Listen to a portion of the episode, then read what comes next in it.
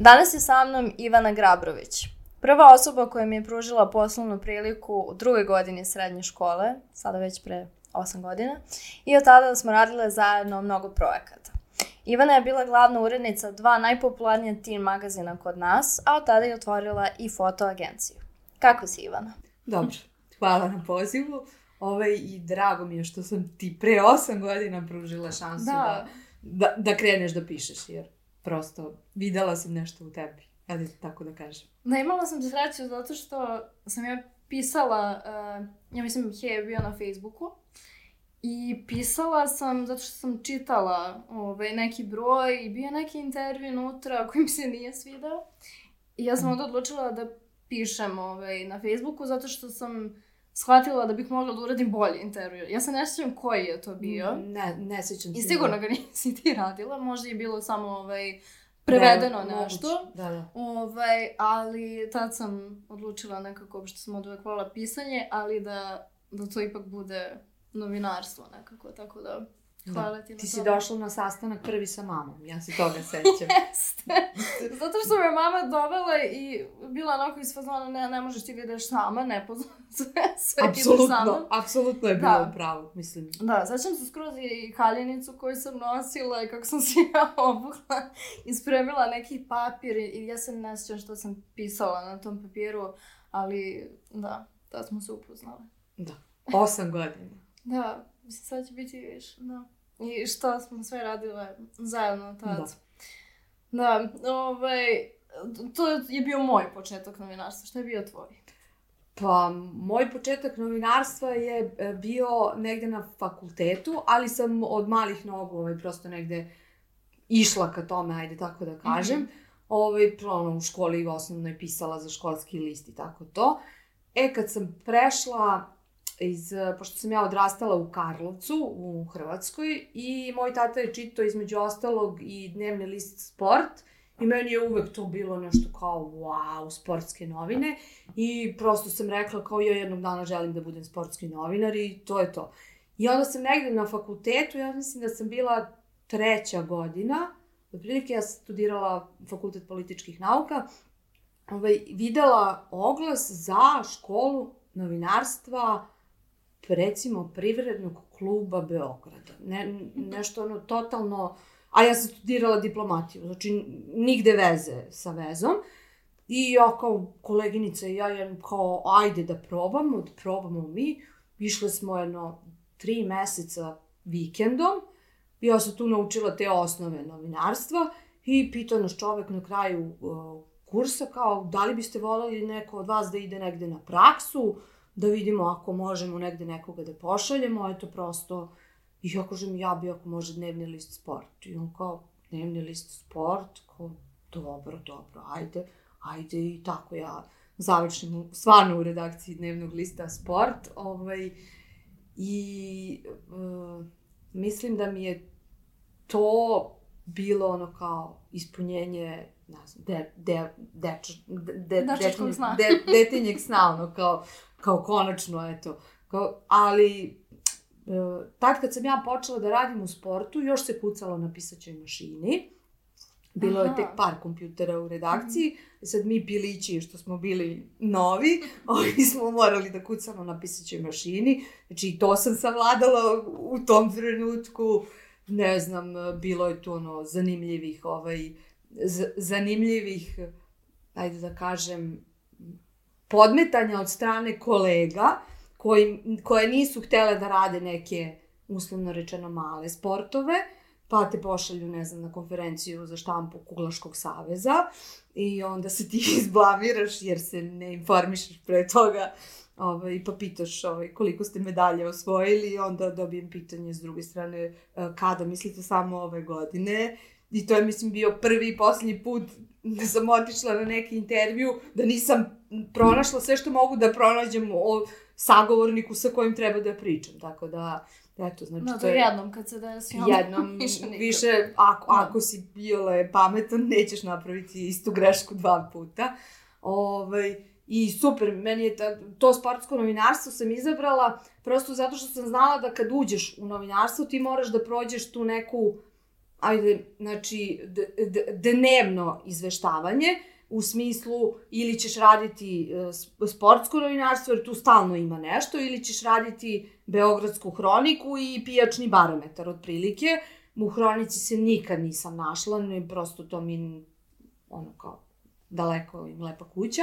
Ovaj, pijačni barometar sad baš nešto kao da obilazim pijac, nešto mi to nije bilo zanimljivo. A ovde sam skontala, rekao, super, ovde mogu i da naučim nešto, a i kao bit ću stalno na terenu, nekako pokušat ću da nađem ono što mene interesuje, ako mi dozvole, jer uvek starije kolege uzmu pa rade ono što je njima draže, što više vole, a tebi ostane, ostane mrvice, ali ja sam i tim mrvicama bila ovaj, prezadovoljna, jer sam... Zahvalna. Da, zahvalna, jer sam em upoznala divne ljude u tim manjim savezima, koji su mi dan danas prijatelji, em sam proputovala sa njima tako i region, ne znam, hokej na travi, ono kao to nikoga ne zanima ko će to da prati, kao ide Ivana, ide Ivana, niš, nikakav problem. Ovaj, gledala sam i, i ragbi, ali nikad nisam naučila pravila, to mi je prosto i bejsbol isto, znači svašta nešto sam ja tako pratila ovaj, i bilo je zanimljivo. Da, to je, to je ono kao, ne znam, je, jedan dobar uvod u priču novinarstva. A šta je bila dobra razreda nakon tog uvoda? Pa ne Što znam. se prvo sledeće desilo nakon, da kažem što si savladala tu sferu ovaj, sportskog novinarstva? Da li si znala šta je sledeće ili Mm, si ne. bila samo Ne, ne, tome ne, ja sam, 100%? ja sam, Mhm. um, ja, ja sam uvek govorila da ću ja jednog dana biti urednik sport, dnevnog lista Aha. sport. Međutim, dnevni list sport je umeđu vremenu ugašen, tako da ni, ništa od te priče. Ovaj, I uh, kad ja sam bila tamo honorarac i ti kad si honorarac prosto nemaš uh, izbora šta ćeš u, u tako velikom dnevnom novinarstvu, nemaš ti nešto izbora da se sad guraš mnogo, ne znam, možeš, naravno, ali ja prosto nisam nisam htela da gazim preko mrtvih da bi ja sad, ne znam, pratila futbalski klub Crvena zvezda. Mislim, mislim da je ono, kao, ne znam, tako da sam pratila, kažem, uslovno rečeno te manje saveze i imala sam jako lepu saradnju sa svima njima i onda su oni, d- d- e, imala sam mogućnost da radim neke lepe priče koje sigurno ne bi stigle u medije da ih je radio neko drugi. To je moje mišljenje. A koliko godina si radila? Uh, u sportu, ja mislim da sam Mhm. radila jedno tri godine, onako, pa, mislim, to mi je bio honorarni posao, ja sam posle nešto počela drugo da radim, pa se onda poklopilo da sam radila u jednoj sportskoj hali gde je odbojku igrao odbojkaški klub ženski poštar 064. E onda je bilo kao, pa dobro, ti si super, taman si tu, možeš da napišeš izveštaj sa utakmice, to je sad, u jednom trenutku je to postalo malo teže, ali ajde, kao izgurali smo i to. Ovaj, I tu su, na primjer, u toj sportskoj hali su trenirali, uvek su imali pripreme i odbojkaška i e, reprezentacija i seniorska i, i, ovaj, i muška i ženska i rukometaši i ne znam košarkaši, tako da ono kao upoznaš, kažem, stvarno neki, ne, neke ljude sam upoznala koji su mi kasnije, kad sam prešla u e, drugu sferu novinarstva, bili uvek tu da mi priskoče u pomoć kad je trebalo naći nekog sagovornika, na primjer iz oblasti sporta. A kako je funkcionisao taj prelaz? Prelaz, mm. -hmm. a, prelaz je bio bukvalno, Da, danas sam ovde, sutra, jel? sutra sam tamo, Da. jer je mene po- pozvala uh, koleginica sa fakulteta koja je u tom trenutku radila u izdavačkoj kući koja je izdavala tada OK, koji je posle promenio ime u Hej. Ove, I pitala me da li bi ti kao volela da, da kao promeniš kao dođeš ovde kod nas da probaš prosto, dođi na razgovor sa urednicom pa ćeš videti kao da li ti odgovara. Ja kao, pa ajde da probamo. Mislim, ništa to nije sad različito u odnosu na, na novinarstvo i novinarstvo. Sad, da li pišeš o, o Sportistima tima ili o da, muzičarima, glumcima, nema tu neke razlike, pitanja su drugačije, ali princip rada je isti, nema tu nešto. Tako da sam ja ono bukvalno došla danas na razgovor i kao sutra počela da radim u okeju i Eto, tako. Koji ti je bio prvi utisak kad si tamo došla? U odnosu na, na prvu redakciju koju si bila? Uh, sport je bila velika redakcija, znači nas je bilo baš mnogo, a uh, ok je bilo dva i po čoveka, bukvalno. Ove, zato što su pa male redakcije, mesečnik, drugačiji sistem rada, ovaj, u, u, više su se vukli uh, honorarni saradnici, znači ono ako treba, ne znam, fotograf, mi nismo imali stalno zaposlenog fotografa, nego kad ti treba fotograf za tri, fot, tri snimanja mesečno, angažuješ nekoga sa strane uh, i, uh, i bila je veća plata. Znači, to je, to je jedan od razloga zašto sam prešla u tom trenutku, prosto tako te živ, život te tako navede, eto. Znači, krenula si zapravo da radiš kao novinar. Kao u novinar, jel da, tako? da, da, I da, da. koja je bila sledeća lestvica? I nakon Uh, koliko vremena? Pa radila sam ja, mislim, radila sam kao novinar ili sam radila i sve ostale poslove, pošto kad je mala redakcija ne možeš Znači, ti to... i po čoveka si bila ti u Pa, stvari. otprilike. ovaj, ne, ne znam, e, organizovanje snimanja, e, uzimanje stvari, sa, dogovoriš se sa stilistom, stilista odvoji stvari u nekom butiku za modni editorijal koji treba da snimamo, ti odeš pokupiš, znači ono kao momak za sve, odgovarala na mailove čitaocima, e, tad su tek društvene mreže negde krenule sa Facebookom, mislim da je tako Pa nešto. da, to je u ovom Da, periodu da, negdje da. kad sam ja pisala. Da. Da. Ovaj, I onda ono kao odgovaraš na mailove, tad su klinci slali masovno Pisma, pisma, da. crteže, onda sortiraš pisma, crteže, biraš ko će ovog meseca dobiti nagradu, ko neće. To, to su bile na stotine i stotine ovaj, Ja se sećam toga, to sad ti si rekla, ti si na stolu imala ovako brdo i svaki put kad sam ja dolazila ovaj, da, da te posetim bukvalno tokom radnog vremena, ovaj, sećam se onaj rezač kao Da, sa kojim se da. otvara i ti tako po ceo dan da, otvaraš pisma otvaraš i... pisma tako ja vidi ovo što je napravila, kako je Da. slatko i, i tako Da. samo Da. gledala to. Da. Ali to više ne šalju. Po ne, mislim, da, mislim da ne, ovaj, jer je nažalost ovaj hej nedavno ugašen definitivno, a prije toga i bravo, tako da, eto. Ja se sećam isto ovaj, da kad sam dolazila tako da ste organizovali slikanja za naslovnice, pošto su uglavnom bile neke de devojke odavde, pa isto kad si spomenula garderobu, ovaj, sećam se kad su bili ti kao uh, rafovi, ne znam ja kako da nazovem, um, pa različita garderoba za slikanje, pa šminkerke isto kad su dolazile i sećam se taj studio koji je bio ovaj, bukvalno kao da se juče desilo. Ali, ali moje pitanje je št- šta se onda desilo? U kom momentu je to postalo neostvarljivo i u kom momentu je to prestalo da bude, da kažem, ne, akcentovano na taj način kao što je pre toga?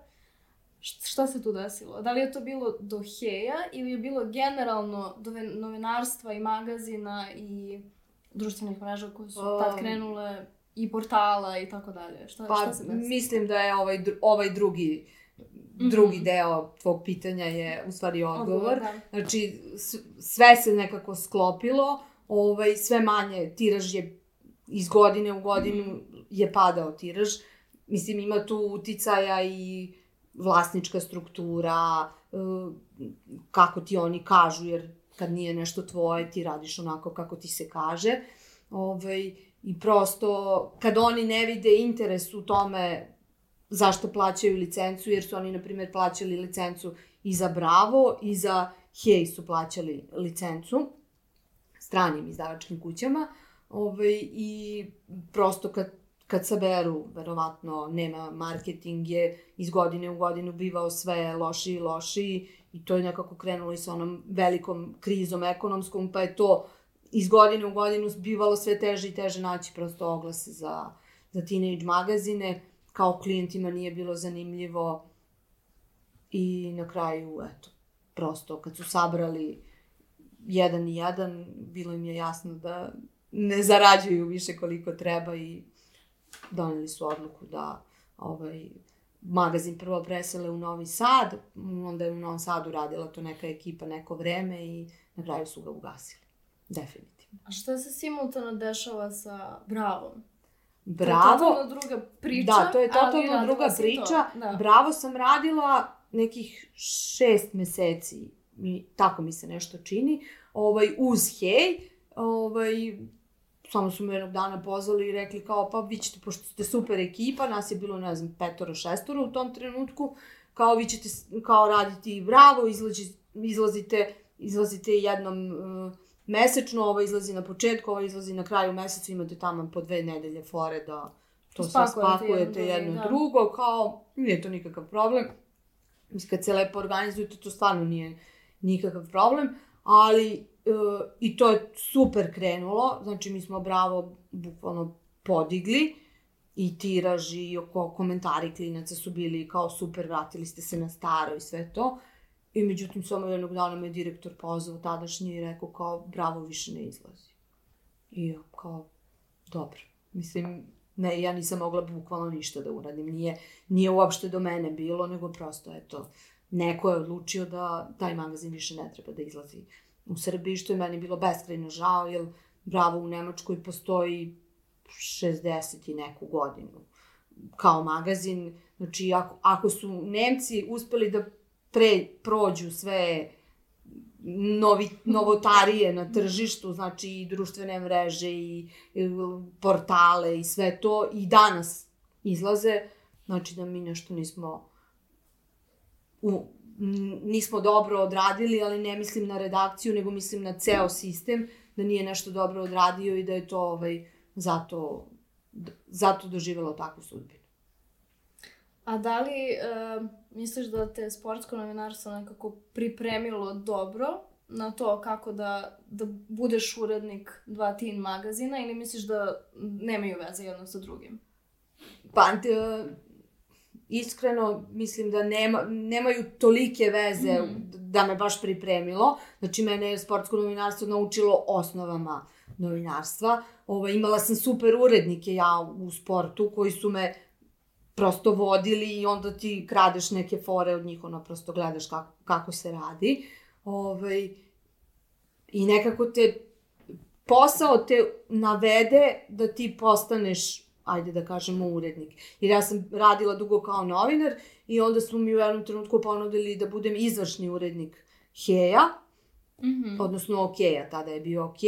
I kad je došlo do promene imena iz OK u Hej, ovaj, došlo je i do promena nekih unutar firme i mene su pitali da li bi ti sad kao volela da budeš glavni odgovorni urednik. Ja sam rekla, ne znam, za, ne znam zašto ne bih mogla to da radim kad sam i ovako m, maltene sve sem što Mhm. nije bio moj potpis na kraju da ja stojim iza svega.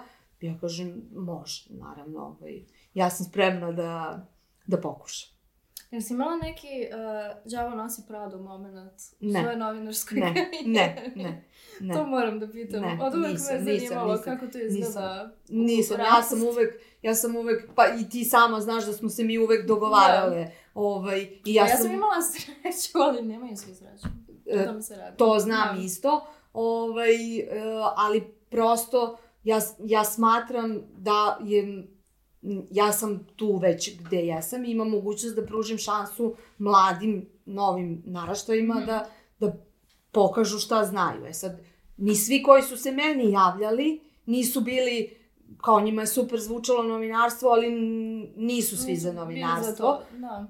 ovaj, o, često su mislili kao super, mene će sad ona da pošalje negde na neki teren, meni će tamo da bude super, ja ću da upoznam ljude, da radim Mhm. razne super priče, pa, pa će tu biti raznih uh, beneficija za mene u smislu, ne znam, ako te neko pošalje na MTV dodelu nagrada, ti se super provedeš, ono, kao dođeš kući sa tonom nekih prezenta koje dobiješ tamo, ali kao, nažalost, ovaj, nismo, nismo stizali do tog momenta. Ovaj. Tako smo već kod poklona, koji su najbolji ovaj, PR paketi koje si dobila? Uh, uh, pa, I, ili koji ti je bio najbolji PR događaj koga se sećaš na kome si bila? Pošto smo to uvek komentarisali negde. Nakon što se završi. a najzanimljiviji mi je svakako bio put u Tunis. Ovaj, to je Rimel neke godine organizovao. Ovaj, to, to je bilo najluđe meni u smislu, kao ne znam, Iskustva celog, da. Da, da. to. Ovaj, a najlepši, na, na, najbolji, pa ne znam da li postoji najbolji u smislu najbolji, mis, bilo je zanimljivih, ovaj, ne znam, jednom je, ne znam koji je to brand bio, neke cipele, čini mi se. Znam da su poslali neku gomilu nekih balona. Mislim, to, to je bilo iz tog ugla ono zanimljivo. A inače ovako, nije to ništa sad specijalno kao, no, kao što je danas sa ovaj, influencerima. To je bilo sasvim drugačije. Da, da, ja se sećam isto ovaj kad sam dolazila tako kod tebe i onda tebi stigne nešto, pa ti stigne ka Carmen, pa šminka. Da. Sećam se kad je, mislim da je ovaj, dijamant bio kad su poslali salatu neku. Moguće, se sećaš se, sećam Bilo je u teglici, ja se sećam da sam to slikala za Instagram. Zato što mislim da je to bila prva stvar kao poklon ovaj, da si ti dobila, pa da si mi dala i meni je to ostalo tako u sećanju kao teglica Znaš ti koliko je toga prošlo, ja se ni ne sećam pola tih stvari. Da. Da li se sećaš koji intervju ti je bio neprijatan? Da li ih je bilo? Mm. I uh, do koje osobe je bilo najteže doći za intervju? U tom trenutku kad si ti ovaj, radila u novinarstvu i sada do koje osobe najteže doći? Pa nisam ja imala neko neprijatno iskustvo intervjua, čak ni dok sam radila u sportskom novinarstvu, ni posle uh, u ti novinarstvu. Jedno vreme sam pisala i za doktor u kući, to, to ne znam da li sam ti ikada spomenula. I to sam radila, ba, ne znam, jedno možda godinu dana, Ovaj, to je bilo u sklopu iste izdavačke kuće i onda je mene urednica zapitala da li bi volela da probaš malo. Ovaj, tu sam radila, tu sam imala, ajde da kažem, neprijatno iskustvo u smislu, jer sam jednog meseca uradila tri priče da budu naslovne strane. Znam da sam radila Suzanu Mančić, Katarinu Rebraču i Radu Radenović, voditeljku. I uh, ne znam, nekako se poklopilo da je iz, prva izašla Suzana Mančić jer je njena priča bila najzanimljivija i ja mislim da je Suzana Mančić i dalje najzanimljivija osoba s kojom sam ja pričala i generalno mi je onako, užasno zanimljiva osoba za, za razgovor. Uh, I onda je Rada zvala, besomučno zvala, da pita kada će njen intervju izaći u novinama. Eto, to je jedino, ajde da kažemo, kao neprijatno iskustvo u tom smislu, kao bila je dosadna, kao kada će izaći taj intervju, ja kažem, bit će sledećeg ili onog tamo meseca kada urednica prosto odluči. Ovaj, na kraju se to potrefilo da je bilo tog nekog meseca kad je ona nešto, nešto se njoj privatno desilo, pa je onda ova priča sa novinama super to poklopila i kao lep intervju je dala za o zdravlju, o ne znam, negovanju i tome, a kao ovu priču su svi negde zaboravili. Ali sam imala, na primer, uh, znam da sam dve godine za redom, oko nove godine, zvala Nikolu Đurička za neki uh, uh, intervju vezan za novu godinu, kao novogodišnju anketu. I on mi je rekao kao ne može.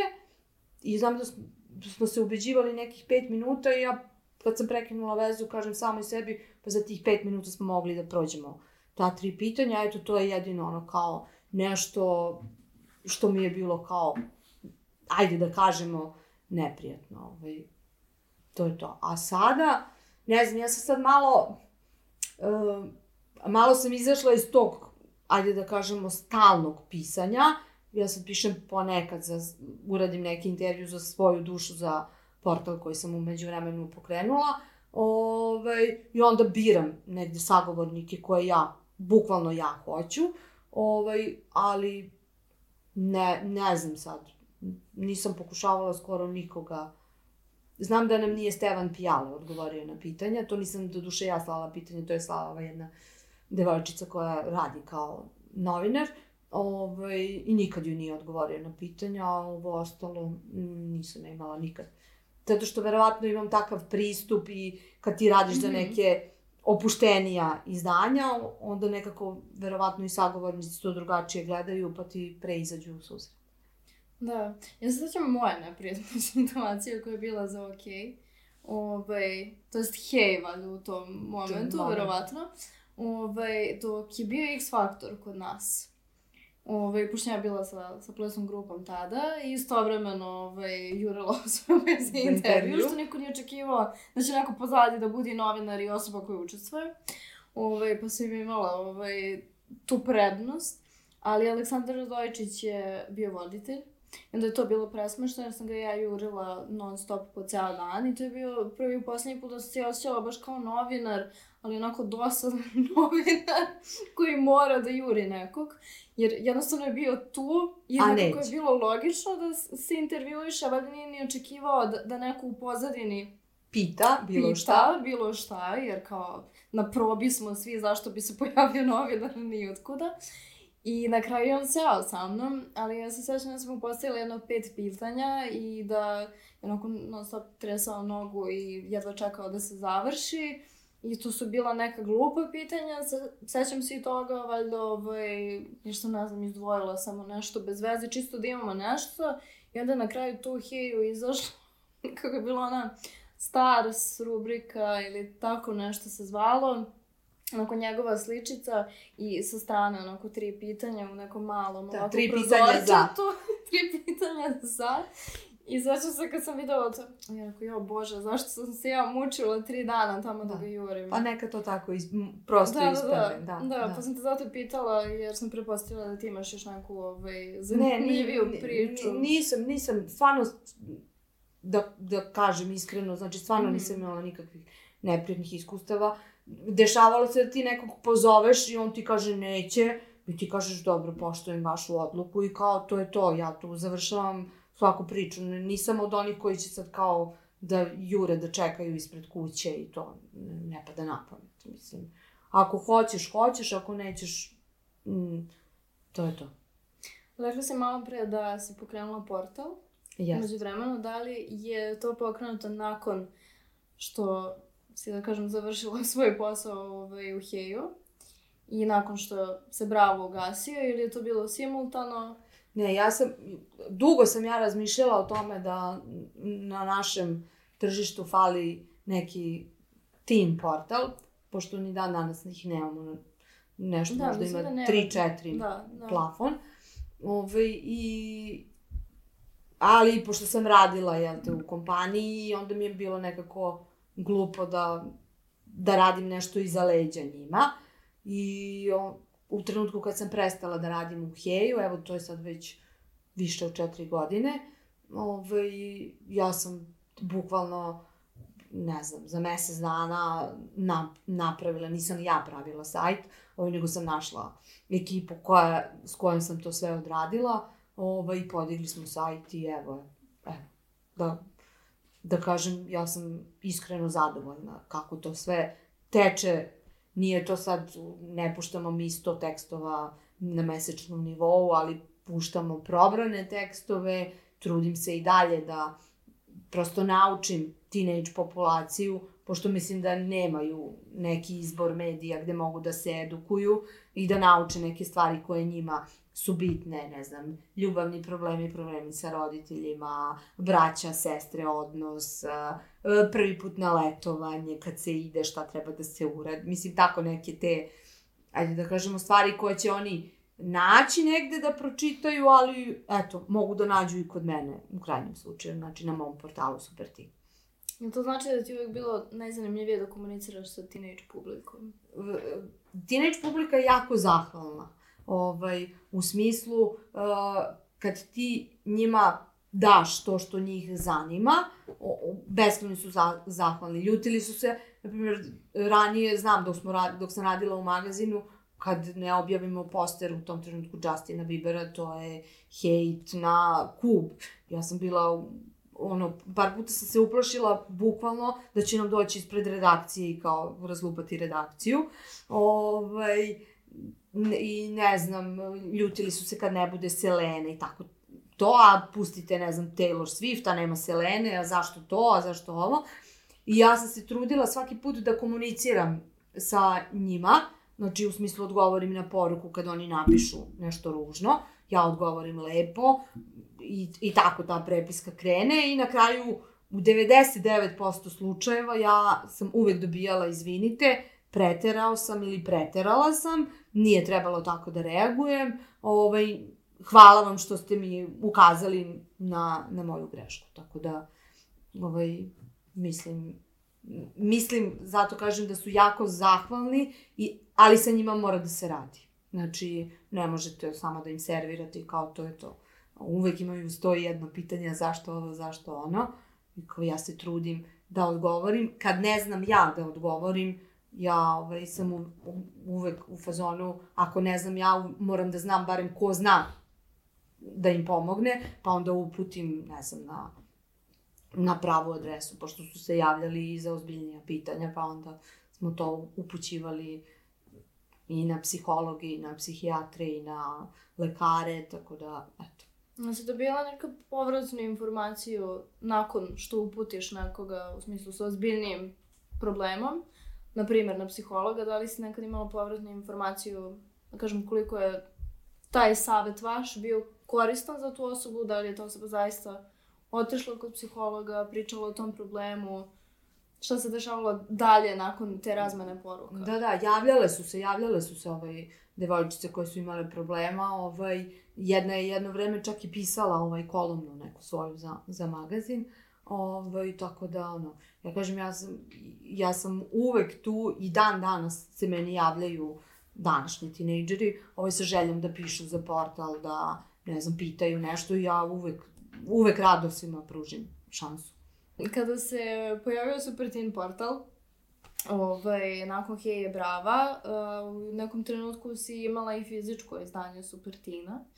Šta se tu dešavalo? Uh, napravili smo izdanje koje se zvalo Super posteri. Uh, tu je bilo ja, tu je bilo manje teksta, više postera, jer tinejdžeri i dan danas i uvek će voleti da zalepe na zid svoje sobe omiljenu ličnost. Ovaj, uh, sve drugo mogu da pročitaju online, sve vesti mogu da pročitaju online, to sam, to, to smo svi danas svesni toga, ali poster online ne mogu da zalepe na zid. I ja sam mislila tu negde, sam, ja sam dobro procenila, ali ovaj, uh, trenutna situacija sa tržištem ovaj, nas je malo ovaj, pokolebala i mi smo posle dva broja stali. Mislim, skoro je neko čak pitao kao, a zašto ste ugasili super postere? Zato. Zato. Ekonomija, ovaj, matematika, financije i, ovaj, i onda shvatiš da ipak to malo, malo teži poduhvat. A sad kad prođeš pored kioska, koliko časopisa zapravo vidiš? Tu, iskreno, ja redko kupujem novine. Mm -hmm. Ovaj, baš redko, što nije dobro, zato što imamo fotoagenciju, pa bi onda trebala s te strane ovaj, da barem ispratim ko, nam, ko, ko sve objavljuje ovaj, u kom kontekstu naše fotografije.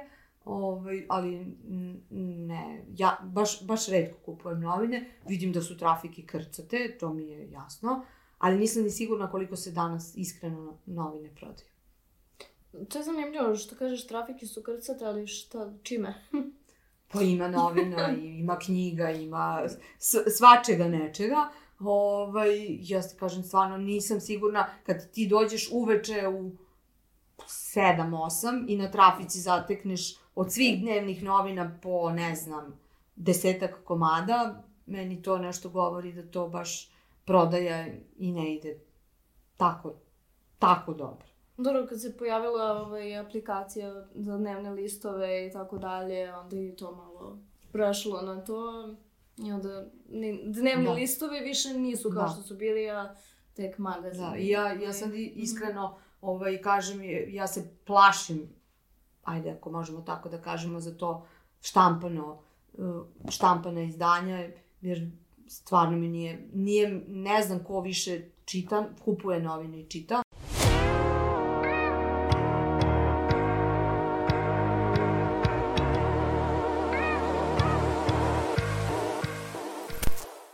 Možeš da uporediš šta je potrebno za distribuciju časopisa u odnosu na objavljivanje na portalu, u odnosu na kačenje na aplikaciji? Pa ja mislim da je aplikacija samo nastavak portala, tako da ti tu nešto nemaš... Nema razlike u Nema tom razlike smislu. u tom Mhm. smislu, a distribucija je ozbiljan, ovaj, uh, ozbiljan posao, znači ti moraš da imaš organizovano ljude koji preuzimaju magazin iz uh, uh, štamparije ili tebi štamparija dovozi, ne znam, u tvoj magazin, ka, kako se sad već vi dogovorite, moraš da organizuješ ra, uh, da, se ta, da se te novine odvezu od tačke A do tačke B, znači do distributivnih centara u Srbiji i eventualno inostranstvo ako se radi, ne znam, Bosna i Hercegovina, Crna Gora i Makedonija, pošto mislim da to naši nekako pokrivaju, ovaj, znači treba ti, o, treba ti mnogo ozbiljnija logistika, ajde tako da kažemo, dok na portal tvoje je da sedneš i da otkucaš vest, nađeš fotografiju odgovarajuću, urednik tamo ili, ili ti sam već edituješ, objaviš, enter i to je to. Nema tu sad, mislim da nema Mnogo velike nauke. nauke, da, da, Da. Ti si krenula od pisaće mašine i bukvalno Da. stigla na to da klikneš enter. da. Kako da. si se ti prilagodila toj promeni? Jesi osetila uopšte ili jednostavno vremenom? Pa ne, ja sam, ja, ja kad sam učio, mislim, ko klinka sam kucala, ne znam, deda ima pisaću mašinu, pa sam udarala. To je to ono, i kad, kad te odvedu negde u neku kancelariju gde ima mašina, šta će dete da radi, nego da udara po mašini, ali nisam znala raspored uh, slova, ono, kao, ne znam, ovaj, ali pošto sam već ja imala u tom, mislim, ono, imala kompjuter, pa kao, aj sad, kao, kompjuter, pisaća mašina, aj- ajde, kao, nije, mislim, jeste naporno, u smislu, ono, dum, dum, ali nije to, nije to neka nauka. I ne daj Bože danas sutra da nestane struje i da ovaj, nestane internet i svega, ja ću opet naći neku staru pisaću mašinu i bit će u prednosti verovatno u odnosu na, Upravo to. na da, današnje klinice. A priča vezana za te images, da li se dešava simultano? E, Ili je krenulo pre zapravo, samo si, samo si se ti sada više usmerila ka tome ili... Da, Kako ovaj? Ata Images je projekat uh, mog su- supruga, pošto je on dugo ovaj, i u novinarstvu, onda je nekako prešao u, ovaj, u, fotografiju i sliko je, u početku je sliko više sportske događaje, jer je bio sportski novinar i onda je ovaj, ja sam nekako ušla u taj teen svet i onda je trebalo, ne znam, da se odslika ovo, da se odslika koncert Rebelde, da se odslika e, premijera neke, nekog filma, ne znam, i onda je on tako krenuo pomalo da slika i to. I onda je on u nekom trenutku napravio portal Ata Stars, koji prati sve sem politike i nema žutoga. Ovaj, I onda je zbog to, tog svog portala krenuo da slika malo više i kulturu i muziku i ne znam, uh, izložbe, modne revije, svašta nešto. I onda je jednog dana rekao, ali ko, ja imam kući bazu od otprilike pola miliona fotografija, kao zašto ja to ne bi stavio negde online, pa kao da pokušamo da napravimo fotoagenciju. I ja sam rekla, dobro, mislim, ajde, ajde da Probat proba, ćemo, da.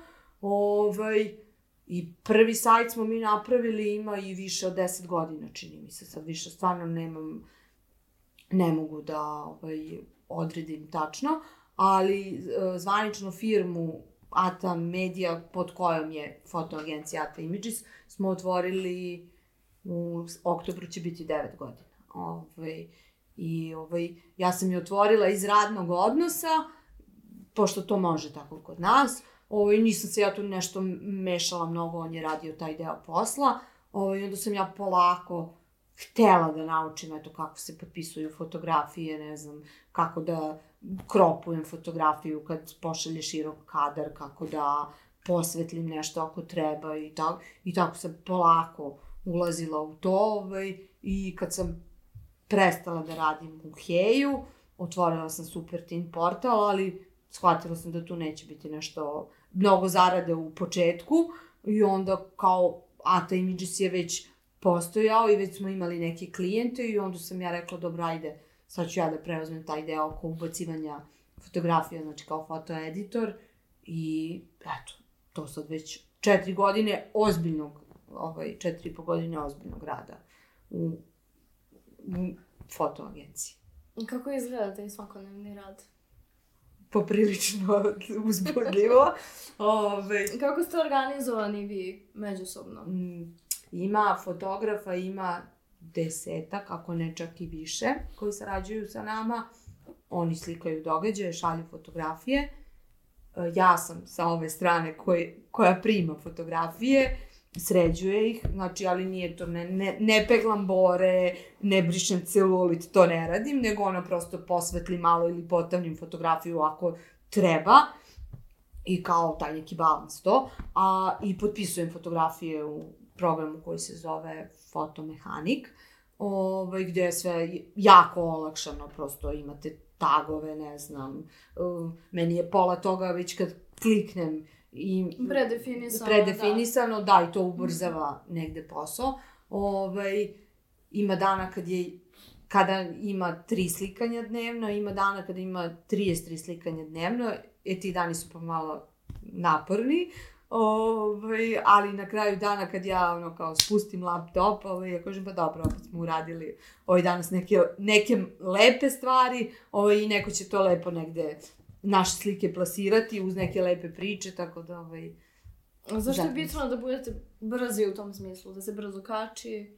Sarađujemo sa gomilom medija, znači eh, što štampanih, što online portala. Ovaj, ne bi, ovaj, mislim ja mogu da ih nabrojim sve, ali prosto mislim da nije, Da, da. ni, Znači, nije, okej. ovaj, ni, Mhm. nije u redu jer možda ću nekoga zaboraviti pa, pa će se naljutiti. Ovaj, I njima je u interesu da što pre puste vest. Znači sad kad mi slikamo nešto i još pogotovo de, desi se ne tako često, ali se desi da budemo otprilike jedini ili uz još jednog fotografa dnevnih novina na nekom događaju i onda ovaj, svi čekaju tvoje fotografije, ovaj, zato moraš da budeš brz. Koliko često se dešava da, kako da kažem ovo, da se uzimaju fotografije bez pitanja? Puf. Kako mi ove, Na- posmatramo autorska prava ove kod nas? E, pa, to je, e, ljudi koji rade u medijima manje više znaju sve o tome, ovaj, ali krađa fotografija, ja to tako zovem, ovaj, pozemljivanje bez pitanja, je, ja mislim da se to dešava kod nas na, na dnevnom nivou, ono kao, bezbroj puta. Šta, e, koji je vaš odgovor na to? Na, uf, pa, pa, ti možeš da tužiš onoga ko ti ukrade fotografiju, nisam sigurna kako ide sa, uh, na primjer, kad ti neka poznata ličnost uzme fotografiju pa ti okači na svoj Instagram profil, a, a nije dobio fotografiju od tebe, to, to još nismo imali, ovaj, takve slučajeve još nismo imali kod nas u pravosuđu, u smislu, Mhm. Ja znam da niko od fotografa koji sarađuje sa nama nije tužio nikoga zbog toga, što ne znači da neće u nekom narednom periodu, ali kada vam ukradu fotografiju nekad neki medij s kojim mi nemamo ugovor, ovaj, to se prosto jednostavno ovaj, pokušate na, na miran način da se dogovorite, znači u smislu kao da, da plate, jer mora da se plati, ovaj, da plate nešto simbolično, ako neće, advokat ovaj, ima odrešene ruke, podigne tužbu i posle se to rešava sudskim putem i, i to je to. Možda to objasniš zašto zašto osoba, bez obzira, ako pričamo o poznatim ličnostima, zašto, bez obzira na to što se nalaze na toj slici, ipak ne mogu da koriste tu sliku i zašto to nije okej? Ba, e, većina naših e, poznatih ličnosti, ovaj, kad im je bitno, angažuju svog fotografa i zna kad angažuju svog fotografa, plati ga. Znači, fotografa koji će slikati za njega, Mhm. plati ga. I mislim da nije, ovaj, sad da li znaju ili ne znaju ili se prave ovaj, Da ludi, da, da ne znaju, ovaj, e, da uzme tvoju fotografiju i da je okači, ne znam, ti si, na primjer, slikala nekoga i kao uzme tvoju fotografiju, niti te, po, niti te pita, niti te potpiše, ni ništa. I kao iskupi tamo milion lajkova na, na tu fotografiju, izvini, to nije u redu. Kako je čudno kada vidiš sebe na fotografiji, um, kao da automatski misliš da je tvoja, iako u ovom slučaju nije. Pa znam, Da. ali, znaš, ti sad kad bi pitala, na primjer, slikaš neku pevačicu i e, ovaj, ona uzme tvoju sliku bez odobrenja, a ti sad kad bi je pitala da dođe da ti peva na neko tvoje ovaj, okupljanje, ona bi ti rekla pa to košta toliko i toliko. Ovaj, mislim, ako ti naplaćuješ svoj rad, mislim da je sasvim u redu da i fotograf naplati svoj rad. I svoje vreme, i oprema, i ne znam, sve to košta. Prosto nije u redu ovaj, uzeti bez pitanja. Rekli si da ste slikali, to da slikate razne događaje. Koliko se razlikuje broj fotografa koji dolaze da slikaju pozorišne predstave u odnosu na fotografe koji dolaze da slikaju estradne ličnosti na aerodromu? Uh, mm, na aerodrom dolazi određena ekipa novinara o, i, i fotografa i snimatelja, Mm pošto se to snimaju i prilozi i svašta nešto. Ovaj, a u pozorište, kad su konferencije za štampu, dođe mnogo više medija nego kad su same premijere, zato što kad su konferencije za štampu, onda imaju mogućnosti da urade intervju sa nekim od Mhm. glumaca, jer se to uvek unapred dogovori. A e, premijere, pa ne znam, premijere obično slikaju dva, tri fotografa, ne znam zašto. Verovatno ih možda, možda nemaju, mislim, nije ni broj fotografa po agencijama više toliko velik, pa onda sad ako neko radi prepodnevnu smenu, verovatno neće, ne može, ne želi da radi i uveče, a onda kao imate fotoagenciju, kao što smo mi, koja odslika premijeru u bilo kom pozorištu, kao okačite fotografije na, na servis i oni imaju šifru, skinu fotografiju, objave i to je to kao. No to znači da i dalje ima ljudi koji kupuju fotografije iz pozorišta i da li, da li uopšte to i dalje Mm, živi u tom smislu na isti način kao što žive fotografije sa Pa, poznatima. ne kupuju, mislim, ako misliš na to da sad kao neko privatno lice dođe i kupi kao fotografiju sa predstave, ne, ni, to, to nam se nikad nije desilo, mi U prosto... smislu uh, novina i tako Novine portala, puštaju, Da. novine puštaju to ono, ko je došao na premijeru i pusti sliku uh, predstave. Sad, nekad ostane fotograf do kraja uh, ovaj, uh, predstave da bi odslikao i poklon, nekad ne, jer kao prosto onda ti radni dan traje 12 sati, ovaj, ali kao portali kao puste, više ih zanima to ko je bio, ja mislim nekad ponekad nego ovaj, kakva je predstava zapravo ovaj, i da pišu o predstavi. Osim uh, fotoagencije, uh, da li imate u planu i videoprodukciju, generalno snimanje, stok za fotografiju, malo u širem smislu, Da, da. šta je sledeće? Dobro, naši planovi su veliki, neću biti skromna. Ove, krenuli smo sa video prilozima kratkim. Ovo je prosto ti tako e, posao ti diktira Da moraš da da, da moraš da video, radiš da. i video. Ove, I baš je skoro ovaj, uh, muž rekao kao trebao sam da krenem video da snimam istog trenutka kad sam otvorio fotoagenciju, jer kao tad bi bio korak ispred svih. Da, da, da. da. Jer video je krenuo pomama, ja mislim, protekle tri godine, nekako mi se tako čini, no, mnogo više u, i portali kače mnogo više videa no što su kačili ranije. Sad svaki portal ima maltene svoju TV ekipu, znači toliko je to otišlo daleko. Ove, I onda smo mi, eto, prosto klijenti su pitali, a zašto nemate video? I onda kao, eto, počeli smo da snimamo te manje priloge, pokrivalice, ta, tako, tako, tako ih mi zovemo. Ovaj, ne uzimamo za sad izjave od uh, sagovornika, znači ono, ali kad je, ne znam, kad se snima neka pevačica ispred nekog kluba gde treba da nastupa, ona kad priča svima, ona daje grupnu izjavu, onda ti prosto snimiš delić pa izvučeš ono što ti je najzanimljivije. Ovaj, ali imamo u planu od septembra da, i da to malo uozbiljimo, u smislu da radimo i ono, kao ne znam, uradiš mini intervju sa nekim, kad si na nekom događaju, ovaj, ali o, o tom potom vidjet ćemo, ovaj, tu, tu već treba i ekipa malo ozbiljnija, ovaj nije dovoljno samo snimatelj, nego treba i novinar, odnosno neko ko će razgovarati sa, sa sagovornikom, tako da vidjet ćemo, ovaj, to je, to je neki plan, a ovaj, e, stok kao stok agencija, ovaj, to je neka priča koja, eto, eto provlači se već jedno dve i po godine, ovaj, i sve biće, ali ovaj, planovi te odvuku na neku drugu stranu, ovaj, tako da za sada ovaj, uh, za sada stok agencija je na čekanju, vidjet ćemo. Ovaj. A tvoj novinarski put, da li je na čekanju ili se nastavlja u nekom trenutku pa, u tom osnovnom smislu? Mo, moj novinarski put ima ga malo ovaj, na Supertinu, ovaj, trudim se ovaj, da, da svakog dana barem objavim ovaj, po, po nešto. Ovaj, ali u smislu sada bi se vraćala baš u potpunosti, potpunosti da. mislim jako teško. Jako teško. Ovaj, ne znam šta bi to trebalo da bude da meni da ja kao ponovo da se toliko promeni pravac. Da, da, da, da, da, da.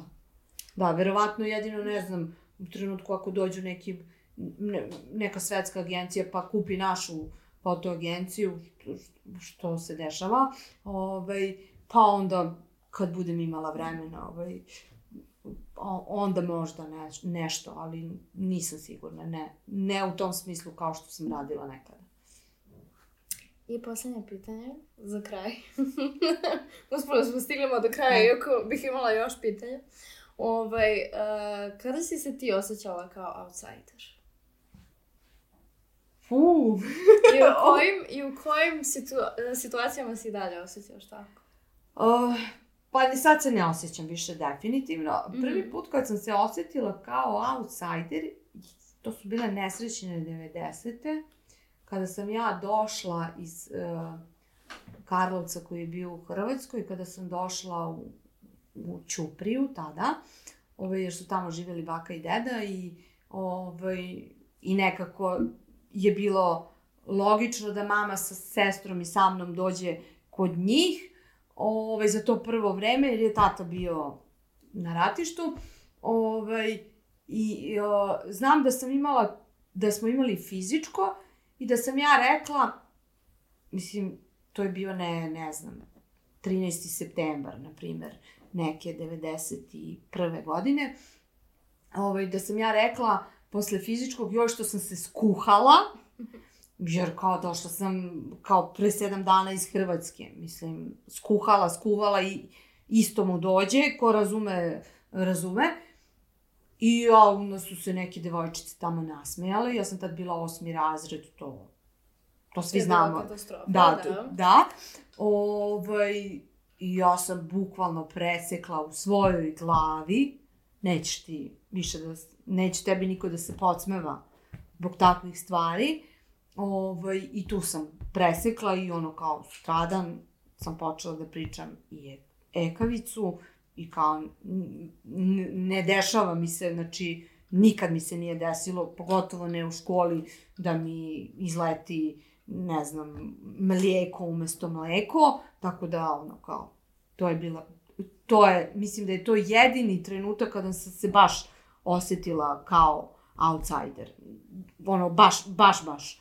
A ovo ostalo, pa ne znam, nije to sad klasično da se ti osjetiš kao outsider, uh, kad, kad si stariji sve nekako drugačije, valjda, i shvataš i, i, i sve situacije koje si pre toga proživeo ti nekako jasno ukažu da, da tu više nema mesta za tebe, pa se ti ili povučeš sam ili ne znam. Da, ali ne u negativnom smislu. Ne u negativnom smislu, da. ali kažem, to baš kad sam se osjećala kao outsider je bilo tada. Znači, to je to, 13-14 godina, eto.